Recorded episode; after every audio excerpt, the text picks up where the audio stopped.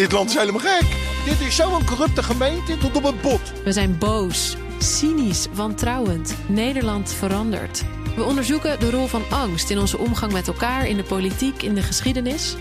Seizoen 2 van de podcast Polder in de Fik. Waarom we zo bang zijn. Abonneer je nu in je podcast-app. Sophie, we zijn in Den Haag. Yes. Dat is ook wel weer eens leuk. We waren alweer een tijdje. Ja, we waren vorige week was ik natuurlijk met Leen in de studio. Ik had corona vorige week. Ja. Je had, Dus- erbij, je had erbij moeten zijn. Ja, ik heb echt iets gemist, hè? Die laatste avond eh, in de Tweede Kamer. En dit is de laatste dag van de ministerraad. Dus de laatste ministerraad dus voor. Hè? Ook met vakantie? Niet allemaal. Ik sprak net even Jezilgus, die gaat eh, van justitie, die gaat de toko eh, eventjes bewaken. Ja. Als Rutte ergens eh, eind juli, begin augustus ook twee weekjes eh, mag wandelen in de Zwitserse bergen of zo. Eh, ik begrijp ook dat weerwind. van rechtsbescherming voor rechtsbescherming. Ook de boel even een weekje gaat bewaken. En mogelijk Bobke Hoekstra. Dus die waren hier allemaal. En ehm, Nederland eh, eh, gaat op vakantie. Maar eh, het kabinet gaat niet helemaal. Of niet op oorlogsvakantie sowieso niet. Ja, wat, echt? Oorlogsvakantie? Ja. Oh, je, de defensie blijft paraat. Eh Ollongren die zegt dat we misschien toch nog wel mijnen.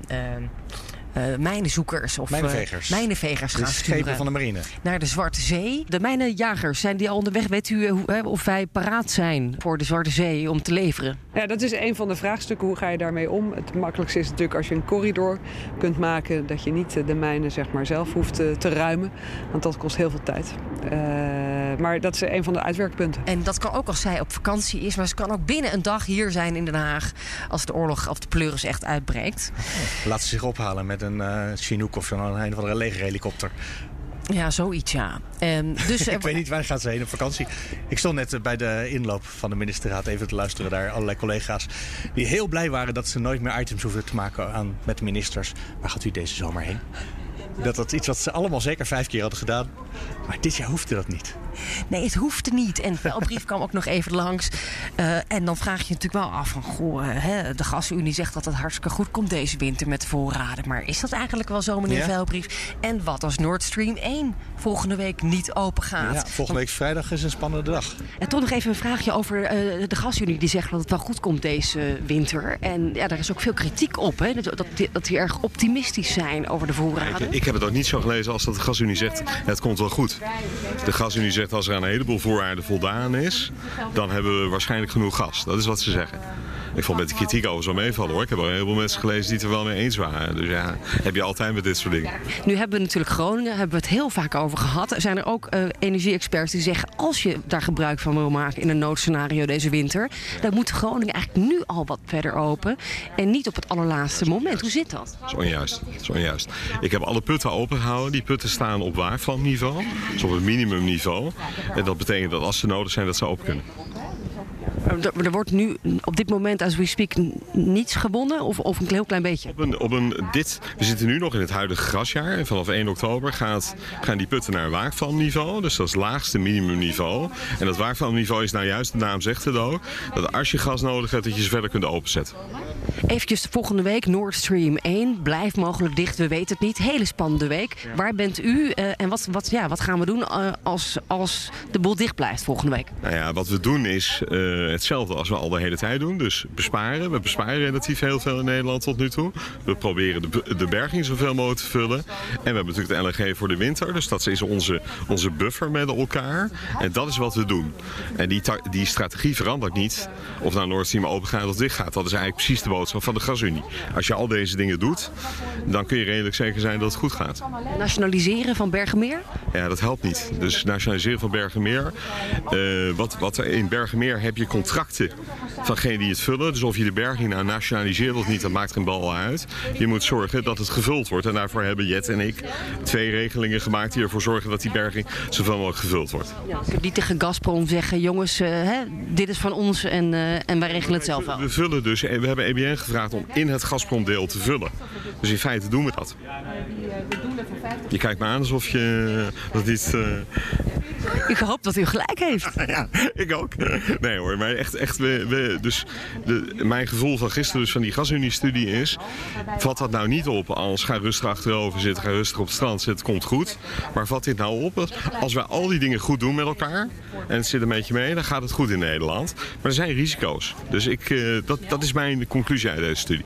Onder andere ook de prijzen, want die kunnen natuurlijk de lucht in vliegen volgende week. Dat is geen risico, die prijzen zijn hoog en die blijven hoog. Optimistische man. Ja, het is bijna alsof, het, alsof we op vakantie kunnen als je naar die ministers luistert. Ja, nou, er zijn ook allemaal toeristen achter je. Ik zei al, we zijn in Den Haag. En misschien moet ik nog even zeggen dat dit Nieuwsroom Den Haag is. Vandaag met Sofie van Leeuwen en Mark Beekhuis.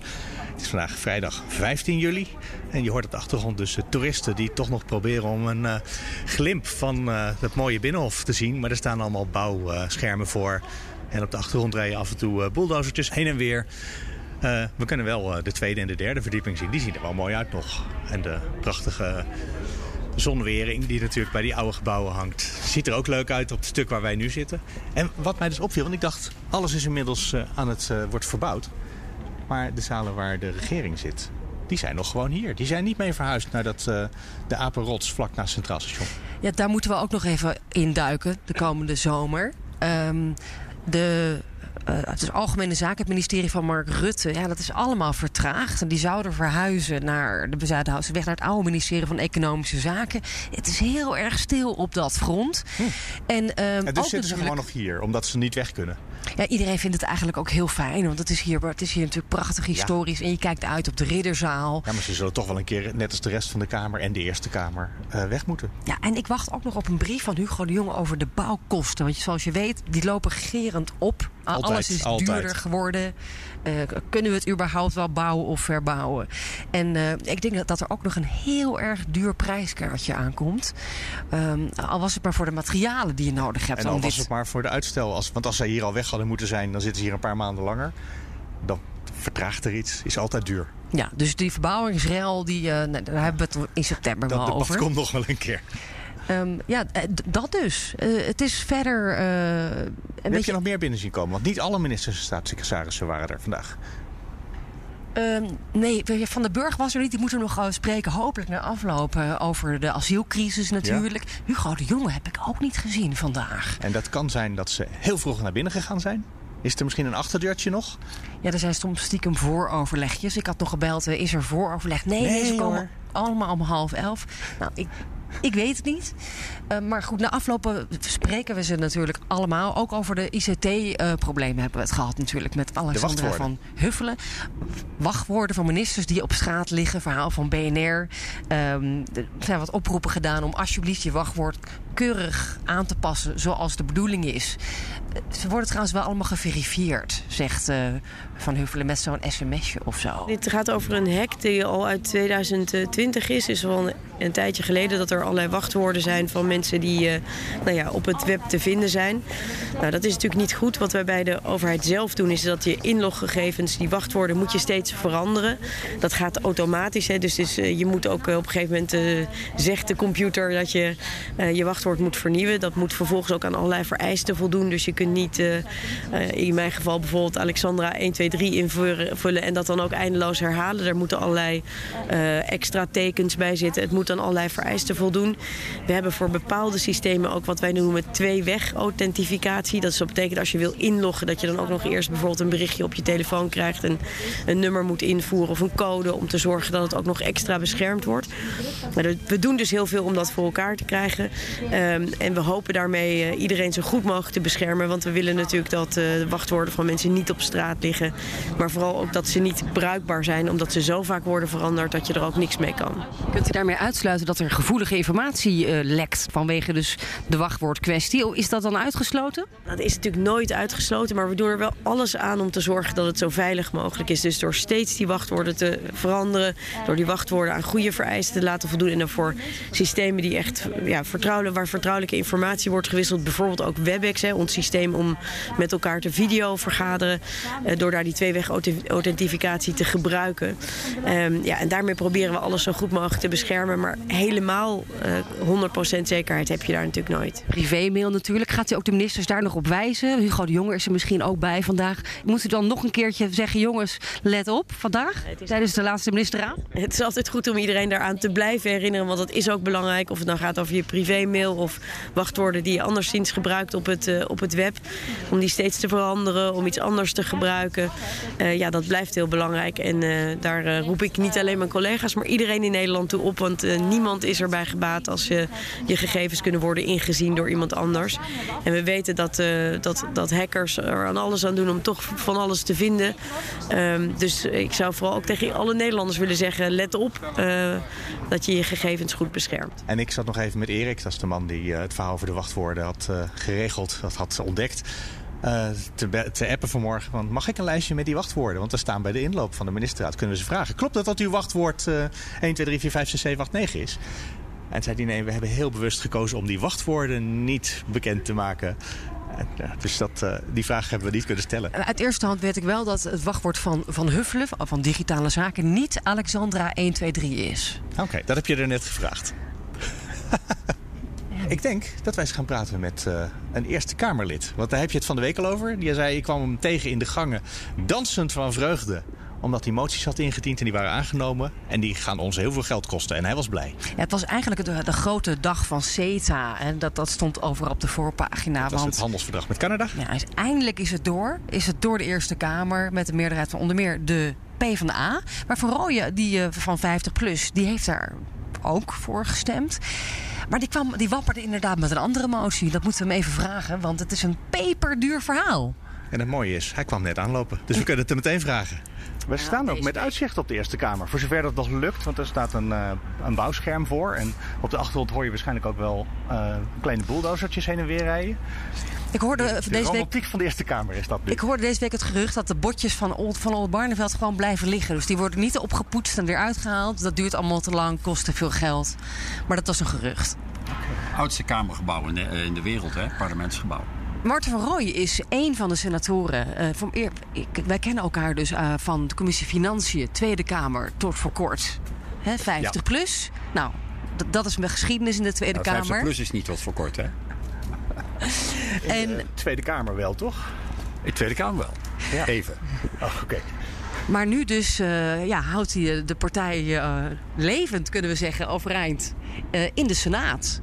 Um, met een pittig debatje toen wij elkaar tegenkwamen deze week. ongeveer ja, zingend kwam, komt Martin van Rooyen naar me toe.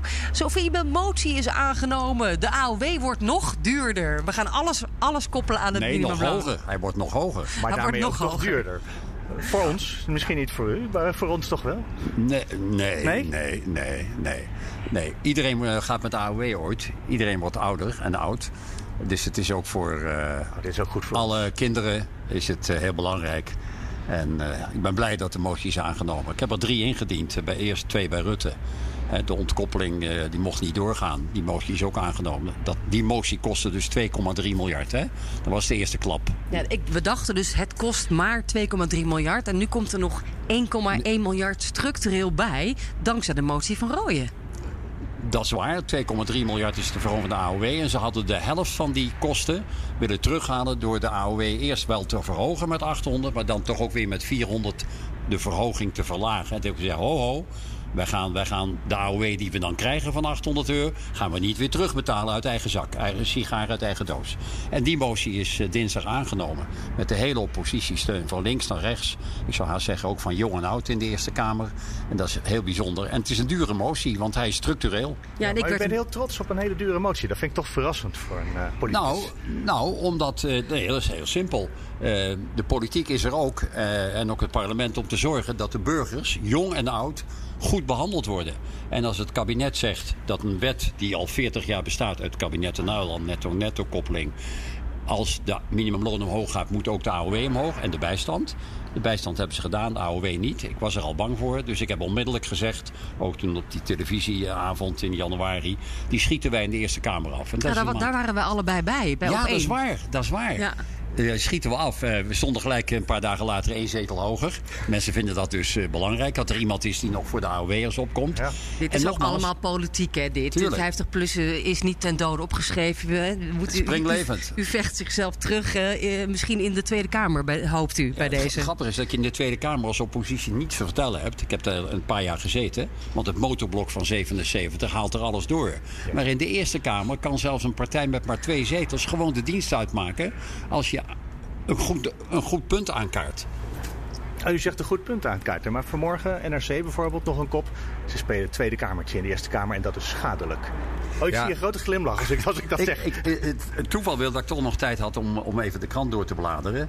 De, eh, hè, de- de- al die kranten krijgen wij 's ochtends.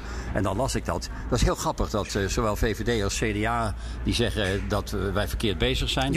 motie- en Knapen. Ja, maar toen het CDA in de oppositie zat, eh, vochten ze net zo hard mee naar Marnix van Rij. Die toen gehakt maakte van de box 3 fictief rendement van Wiebes. Hè? Let wel. CDA. Van Rij, nu staatssecretaris. Marnix van Rij. Ja, uiteindelijk zonder succes, Ja, denk ik. Ja, maar coalitiepartijen willen eigenlijk niet, als ze geen meerderheid in de Eerste Kamer hebben, dat de Eerste Kamer überhaupt zijn werk doet. Want daar hebben ze alleen maar last van. En dan gaan ze zeggen, ja, jullie dienen ook allemaal nog moties in. Maar wij zijn er om wetten goed te keuren. En dat is ook een probleem. Er komen of wetten te laat. Bijvoorbeeld eh, de 1300 eh, eh, armoedebestrijding, hè, die 1300. Die wet wordt in voor de ja, die wordt pas in eh, oktober bij ons behandeld. Omdat de Tweede Kamer hem in hun laatste week behandeld hebben, kunnen wij hem niet meer behandelen. En dan wordt hij dus in oktober behandeld. Maar het wordt Die- wel uitgegeven al. Ja, eh, en die gaan we ook niet meer afstemmen, want dan zouden de mensen terug moeten betalen. Maar dit is een manier om de Eerste Kamer eigenlijk voor het blok te zetten. Stikstof? te zetten.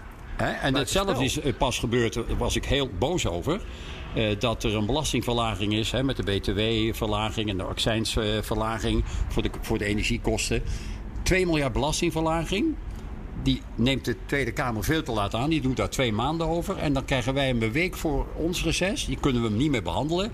Toen zei Van Rijn, nou als jullie eh, hem niet meer kunnen behandelen... dan schrijf ik al een brief. Een beleidsbrief. En dan, Tim, dan besluit ik gewoon dat de belastingverlaging voor 1 juli ingaat. Toen zei ho ho, dat gaan we niet doen. Voor 1 juli staat er een wet in het staatsblad... dat de belastingverlaging bij wet is goedgekeurd. En toen kon het alleen maar een hamerstuk, s'avonds laat. Dus daar is niet over gesproken. Daar is niet over gesproken. Dus zo maar- machtig bent u helemaal niet dus eigenlijk. Ik word gewoon gepasseerd. Nou, dat is, dat is, ik heb tegen Van Rij dinsdagnacht gezegd... één keer en niet meer. Want ze kunnen dus redeneren, als we het lekker laten indienen... dan gaat de Eerste Kamer er zelfs niet meer over onderhandelen en praten. Dan zeggen ze gewoon, oké, eh, eh, we stemmen in. Maar dat doen, we- hebben we één keer gedaan, dat doen we niet meer. Wat de volgende keer? Dan stellen we het reces een weekje uit? Nee, nee, wij zeggen, eh, nee, dan wordt de wet pas behandeld eh, daarna. Maar ze mogen ook geen beleidsbrief timmeren. Dus dan moet het eerder door de Tweede Kamer. Dat is wel eh, gek trouwens. Dat Kaag vroeg, ik, kunt u niet zorgen dat de Tweede Kamer ook op tijd de wetten goedkeurt. Dat wij ze ook op tijd zeggen, ja, daar, ik, ik ga er niet een baantje bij nemen. Dat is niet mijn taak. Nou, dat is ook niet waar het over gaat, toch? Nou ja, ik vind van wel. Het kabinet moet ma- duidelijk maken aan de Tweede Kamer...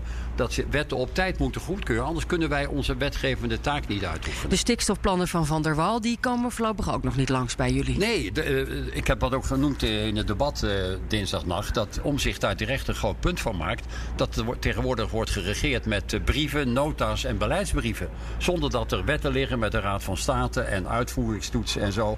Het is gewoon een rommeltje aan het worden. En bijvoorbeeld zo'n brief. Ja, als de Kamer dus met een motie dat afdekt, wat gebeurd is hè, met de stikstofbrief. Dan doet iedereen net alsof er al een juridische basis is. En die is er helemaal niet. Er is helemaal niks. Er is een aangenomen motie. En nu?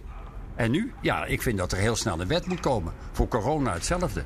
We hebben in de Eerste Kamer recent de vijfde verlenging afgestemd. Waardoor er nu geen wettelijke basis is voor Kuipers om morgen, als de corona echt uitbreekt, een noodmaatregel te nemen. Dan komt er een nieuwe wet, die wordt in het najaar ingediend. Die komt pas bij ons eh, veel later. Het is dus een rommeltje eigenlijk. Maar dat hebben jullie ook een beetje zelf veroorzaakt. Nee, wij niet. Ja, ja door, door een streep te trekken. Ja. Kijk, jullie eh, zijn te politiek. eh, ja. Als ik even de coalitiepartijen Ja, mag maar als ik dan weer VVD en CDA vanochtend lees zeggen... ja, wij moeten ons tot de wetten beperken. Die taak kunnen we ook niet uitoefenen. Zoals ik zeg, de wetten komen te laat. Of er worden ook maatregelen genomen waar geen wettelijke basis onder wordt gelegd. En dan kunnen we dus ook er niks van vinden. Het is wel makkelijk. Als je geen wetten maakt, hoef je ze ook in de Eerste Kamer niet te verdedigen. Want daar hebben ze geen meerderheid. Maar is dit, En straks helemaal niet. is dit onwil of sabotage? Of is dit iets wat eh, Nee. gewoon niet anders lukt? Kan ook nog eh, on, eh, onkunde zijn. Het, nee, nee. Het is, het is natuurlijk ook de, de hitte van de, de crisis die we nu hebben. Eh, Dat ook door rechtelijke besluiten, bijvoorbeeld bij stikstof, het kabinet zit natuurlijk voor het blok. En dan snap ik wel dat men na lang dralen uiteindelijk een, een standpunt inneemt. Ja, want u heeft ook wel eens aan de andere kant gestaan. Ik kan me Ja. voorstellen dat je af en toe denkt, dit is heel lastig. We, laten, we schuiven het naar de laatste week voor het reces. Eh, gewoon, uit Ja. strategie. Nee, dat denk, dat denk Nee? ik niet. Maar bijvoorbeeld eh, eh, 1 juli eh, kun je belastingwetten veranderen. Als het kabinet in het voorjaar met alle crisis, koopkracht en noem maar op, hè, 1,2 miljoen huishoudens. Ze hadden gewoon een spoed belastingwetsontwerp kunnen indienen. Wat 1 juli was ingegaan. Waarbij de tarieven van de eerste schijf zou zijn verlaagd. En de algemene heffingskorting, de belastingvrije voet, fors was verhoogd. Dan had iedereen, met name de onderkant, had dus een permanente belastingverlichting. Of eenmalig, dat kan ook nog. Maar dat hebben ze niet gedaan. En nu En zegt, dat kan wel. nu zegt minister Schouten, zojuist sprak ik die bij de inloop hè, van armoedebeleid. eh, augustus, de augustusbesprekingen.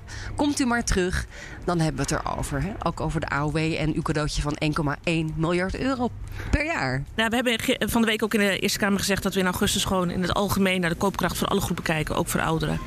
Ehm, dus dat is het moment dat we alles weer wegen. Maar dat betekent eh, dus dat structureel er 1,1 miljard euro bij komt, toch? Daar is dan een meerderheid voor in de Eerste Kamer. Of Nou, we gaan gewoon in, in augustus in het algemeen kijken naar de koopkracht van alle groepen. Dus ook voor ouderen. Eh, dat is ook het moment dat we gewoon altijd de keuzes maken over wat, wat gaan we doen. Is er nog wat nodig of iets dergelijks. En dan zullen we dit ook meenemen. hoe zit het precies met de IAOW? Kunt u dat uitleggen? Wel- Welke groep is dit? De IOAOW is voor iedereen. Eh, dus dat is eigenlijk een soort eh, kopje bovenop de AOW die mensen nu krijgen. Ehm, en eh, met de koppeling van de AOW hebben we dat allemaal bij elkaar gepakt. Zodat we gewoon wel de AOW helemaal konden koppelen.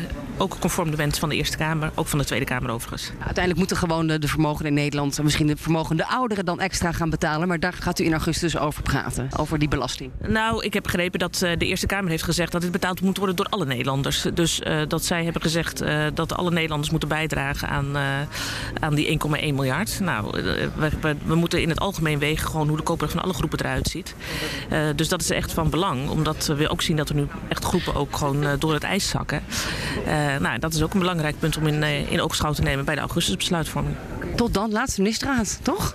Ja, dat, daar, ja, daar ga ik vanuit van wel. Maar ja, je weet het nooit natuurlijk wat er eh, nog gebeurt. Maar eh, in ieder geval, volgens de planning is het vandaag de laatste ministerraad. Het is heel pikant eh, dat eh, minister Kaag, die eh, is op Bali. De minister van Financiën vergaderen daar vandaag. eh, op aanloop naar de G20 in november daar. En ik heb het dus ook hier niet zien binnenlopen vanochtend.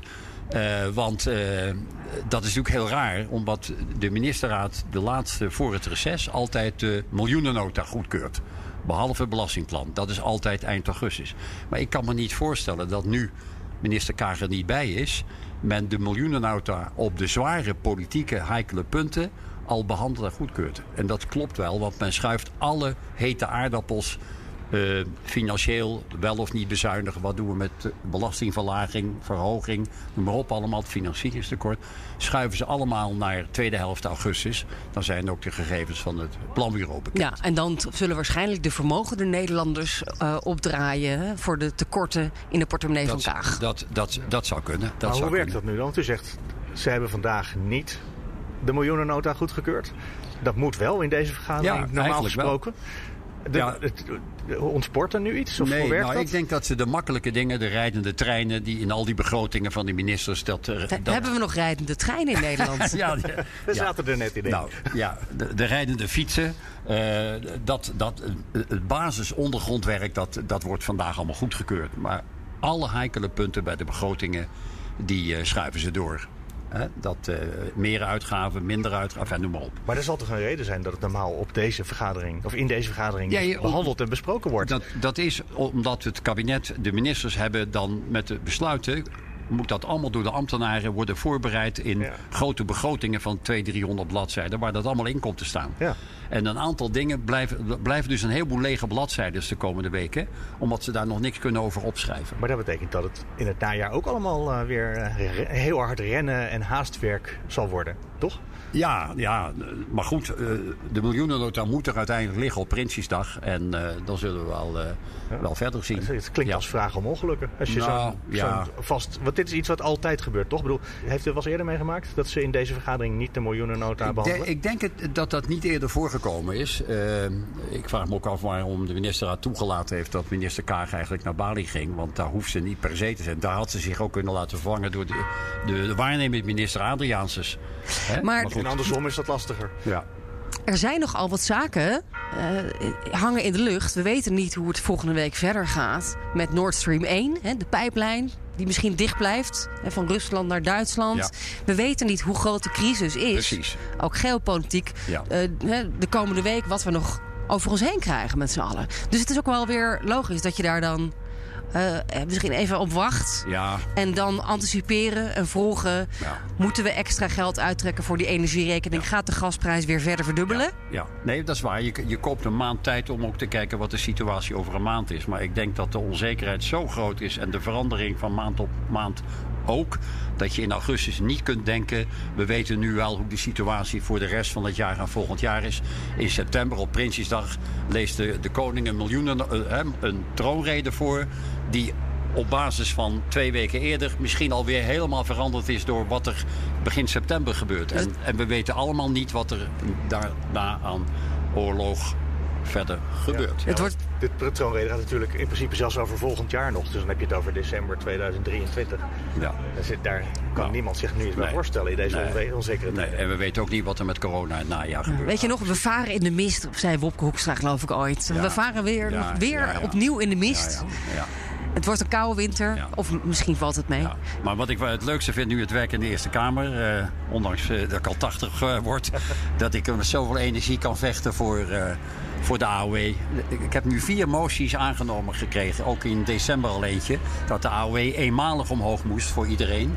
Om te zorgen dat voor de ouderen in ieder geval de koopkracht ook een beetje op. Die werd ook aangenomen. En daarna drie moties over de koppeling en het niet weer afpakken. Ehm, en nu vechten voor uw zetel. Ja, Want ja. er zijn verkiezingen volgend ja, jaar. Ja, ja. Officieel provinciale statenverkiezingen natuurlijk. Ja, maar dat klopt, maar die kiezen ook indirect, kom je eh, indirect ook weer in de Eerste Kamer. de terecht. nieuwe Eerste Kamer. Ik heb het idee dat dat heel erg leeft in de Eerste Kamer. die Ja, verkiezingen. Iedereen, Maakt zich, iedereen maakt zich grote zorgen.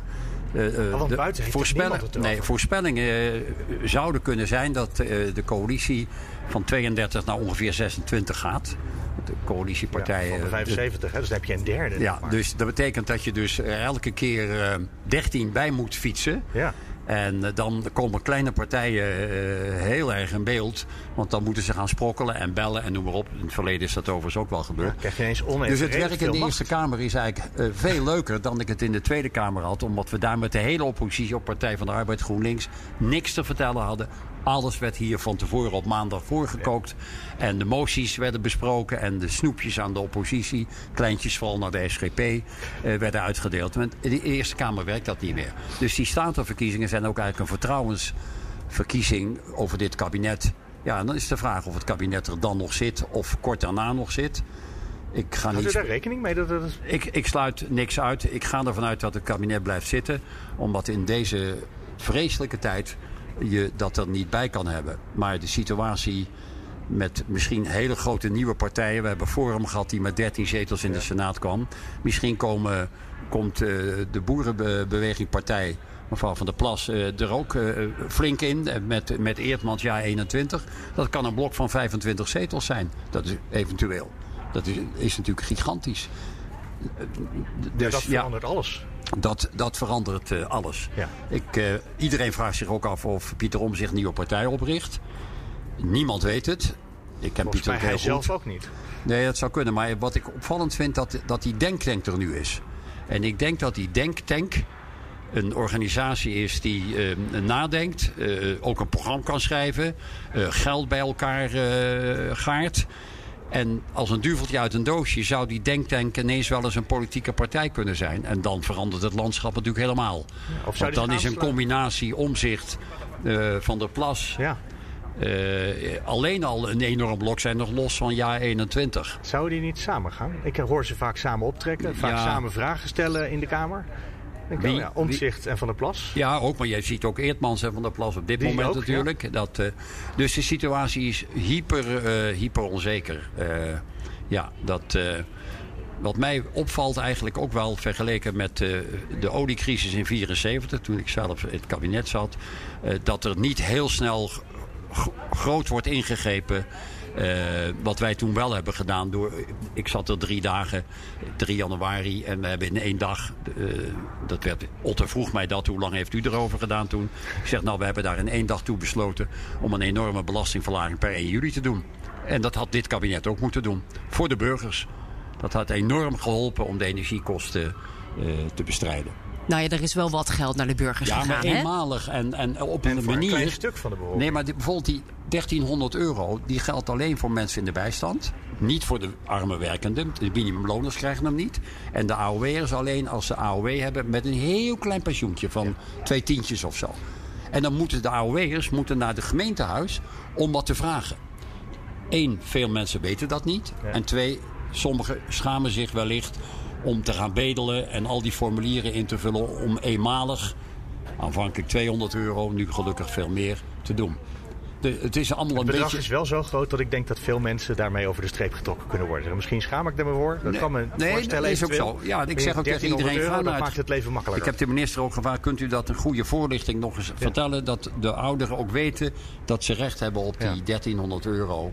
Eh, dat, dat, dat is heel belangrijk. Dat is 100 euro per maand en nog een beetje. Ja. Dus dat is echt... Ja. eh, Wat ik opvallend vond is trouwens dat het kabinet nu zegt... we gaan geen tijdelijke maatregelen meer treffen. Maar Van Rij zei heel duidelijk... we gaan structurele maatregelen treffen. Dus ik ga ervan uit dat 1 januari er ook echt iets structureel... in de belasting gebeurt. Net zo goed als ik die AOW-motie structureel heb gedaan. Fiscale aard- aardverschuiving in augustus, Nou, het september. be- nou, ja, het belastingplan volgend jaar, 23, dat wordt een heel groot belastingplan. Vorige was heel klein. Ik heb al voor 70 minuten ingeschreven. Misschien wordt het er nog wel meer. om te spreken in wordt een groot belastingplan. Alles met box 3 en belastingverlaging en het vermogen en noem maar op. Mag ik vragen hoe dat gaat? De coalitie komt wel eens bedelen of kopjes koffie drinken in jullie wandelgang in de Senaat. Nee, hoe gaat bellen. dat? Nee, ja, ministers bellen dan via een persoonlijk medewerker. Eh, en dan, eh, dat is gebeurd destijds. Hoekstra en Schouten belden mij op. terwijl we een 50-plus-congres hadden in Apeldoorn in december. Wij hadden het beslissende stem over de stikstof. En toen hebben Otte, wij en de SGP met z'n zessen 32 plus 6 is 38. De eerste stikstofwet had doorgekregen. De tweede stikstofwet deed Otte niet mee. Dus had je alleen SGP en 50 plus. Vier. Hadden er twee te weinig. En toen heb ik gezorgd dat via 50 plus in de Tweede Kamer, Corrie van Brenk, met de SP en de SGP de tweede stikstofwet er doorgekregen heeft. En toen hadden wij dus een meerderheid eh, van SGP, 50 plus en de SP om het te. Ja, zo, gaan, zo gaat het soms. Eh, Dat was toch hier in de Ridderzaal waar we nu naast staan? Of niet toen met corona? Of was dat nog daarvoor? Eh, ja, nee, dat was. eh, even kijken, dat is twee jaar geleden. Ja, Ja, toen vergaderden jullie- 19 was het met Schouten. Ja. ja dus dat speelde begin eh 21. 20, ja. Ja, in het kasteel. Ja. Hey, en jullie zijn eigenlijk bijna uitgeroeid, maar jullie gaan toch meedoen aan de provinciale statenverkiezingen? Uitgeroeid, wat zeg je nou? Nou ja, in de Tweede Kamer hè, we hebben natuurlijk nog Den Haan zitten. Ja, die niet van Eh, de partij is. Dus hoe gaat het nu verder? Jullie eh, doen Wij- mee wij met de wij provinciale statenverkiezingen. Wij zitten in alle eh, provinciale staten. en We maak je ook serieus kans we om daar een zetel te we halen? gaan ook in alle provincies weer meedoen. En ik zal ervoor vechten eh, om eh, te zorgen dat, eh, dat we zeker die ene zetel houden. Want of je er één of twee hebt of drie, dat maakt niet zoveel uit. Maar we, gaan, we vechten voor één. En, en we, we willen eigenlijk, ook voor Martine Baai, mijn collega... dat we met twee zetels in de Eerste Kamer blijven. En dan kunnen we daar. begonnen. En dan blijven we het verschil maken. Dan blijven we het verschil maken. Dat, ja. En nog even iets heel anders. Misschien een beetje te afronding. Want we staan hier dus nu na de- naast de bouwput. Ja. De prachtige ridderzaal. Ja, die ziet er mooi uit. Daar mag u niet in. u zit nu in een heel Ja. kantoorachtige plek. Verlangt u niet al heel erg terug om hier weer te gaan zitten? Ja. We hebben eerst een soort upgrading gekregen van de oude senaatsgebouw naar Ja. de ridderzaal. Dat was natuurlijk helemaal fantastisch. Prachtig mooi. En we zijn nu weggestopt in een, eh, ja, eh, bijna een soort gevangenisgebouw met geen ramen. Geen, geen goede eh, luchtbehandeling. Ook al niet. Het is veel te warm eigenlijk, dus de deuren moeten dan open eh, tijdens en de dan schorsingen. hele zakelijke inrichtingen. Ja, en de bankjes zijn heel klein. Hè? Die zijn nog smaller dan in de oude Eerste? Kamer. Ja, ze lijken een beetje op de Tweede Kamerbankjes vro- vroeger. De oude zaal moest ik aan denken. Ja, Daar waar je met z'n op. drieën overigens ook heel krap zat. Dat Ja, herinner ik maar die me was ook gemaakt door twee mensen op zo'n bankje. Ja, en daar moesten we toen met z'n drieën in. Dat was eh, best eh, passen en meten, ja. Ja. Ja. Maar daar ja. verlangt u wel naar terug. Maar daar moet u nog een tijdje op wachten. Dan moet hij tot zijn negentigste moet hij door. Ja. ja. Toch? Ja. Want eh, dit gaat nog tien jaar duren. Ja, gaat Ja. u dat nog meemaken hier? Want u zegt, ik heb er heel veel energie in. Maar dat, Ja, het nou, zou zomaar tien jaar kunnen duren. Ja, ik ga eerst eh, de eerste vergadering in september. In de Eerste Kamer ga ik vanwege mijn verjaardag tracteren. voor de senatoren met 80 erop en alle medewerkers. Eh, iemand zei tegen mij, als je nou de senatoren trakteert, moet je ook de medewerkers. En dat Ja. doe ik met heel veel plezier. Want die me- mensen werken zich ook te pletter. Ook afgelopen dinsdagnacht tot drie uur, vier uur. Ja. Nog even één ding over die 1 miljard euro hè, die je ons als cadeau doet.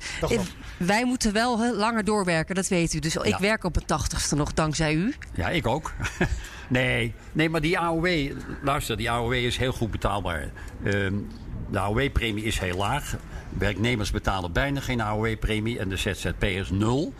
En nou wil men eigenlijk dat de AOW'ers zelf 18% gaan betalen. Daar heb ik dus een groot nummer van gemaakt eh, afgelopen dinsdagnacht ook. Dat is voor ons onaanvaardbaar. Ehm, je Ja, kunt laten we niet... maar eens beginnen met de ZZP'ers mee te laten betalen, denk ik. Ja, nou goed.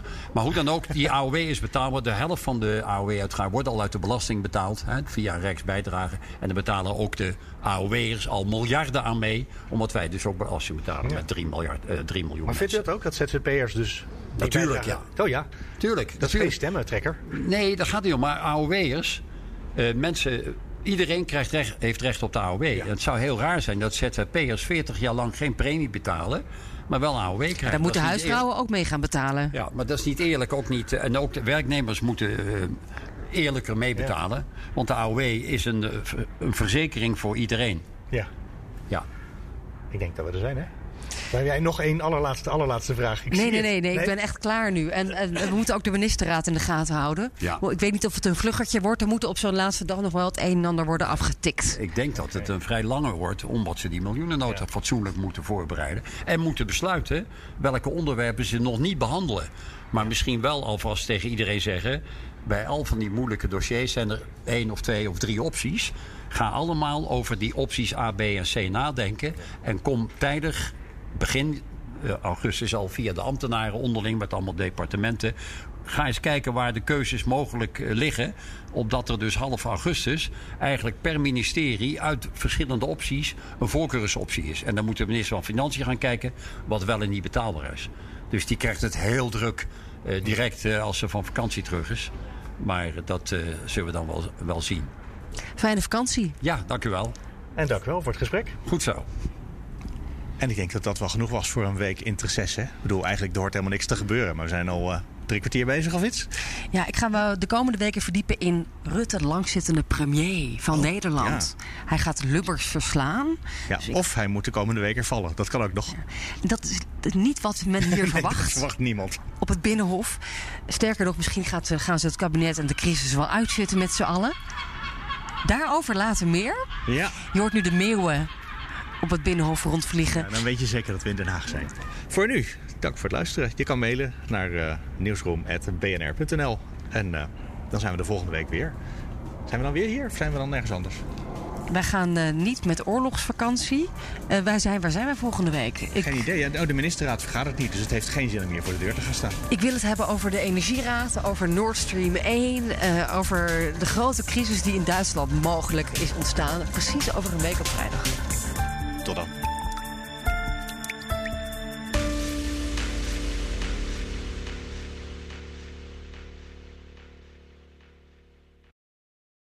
Ook Bas van Werven vind je in de BNR-app. Ja, je kunt live naar mij en Iwan luisteren tijdens de ochtendspits. Je krijgt een melding van Breaking News. En niet alleen onze podcast Ochtendnieuws, maar alle BNR-podcasts vind je in de app. Download nu de gratis BNR-app en blijf scherp.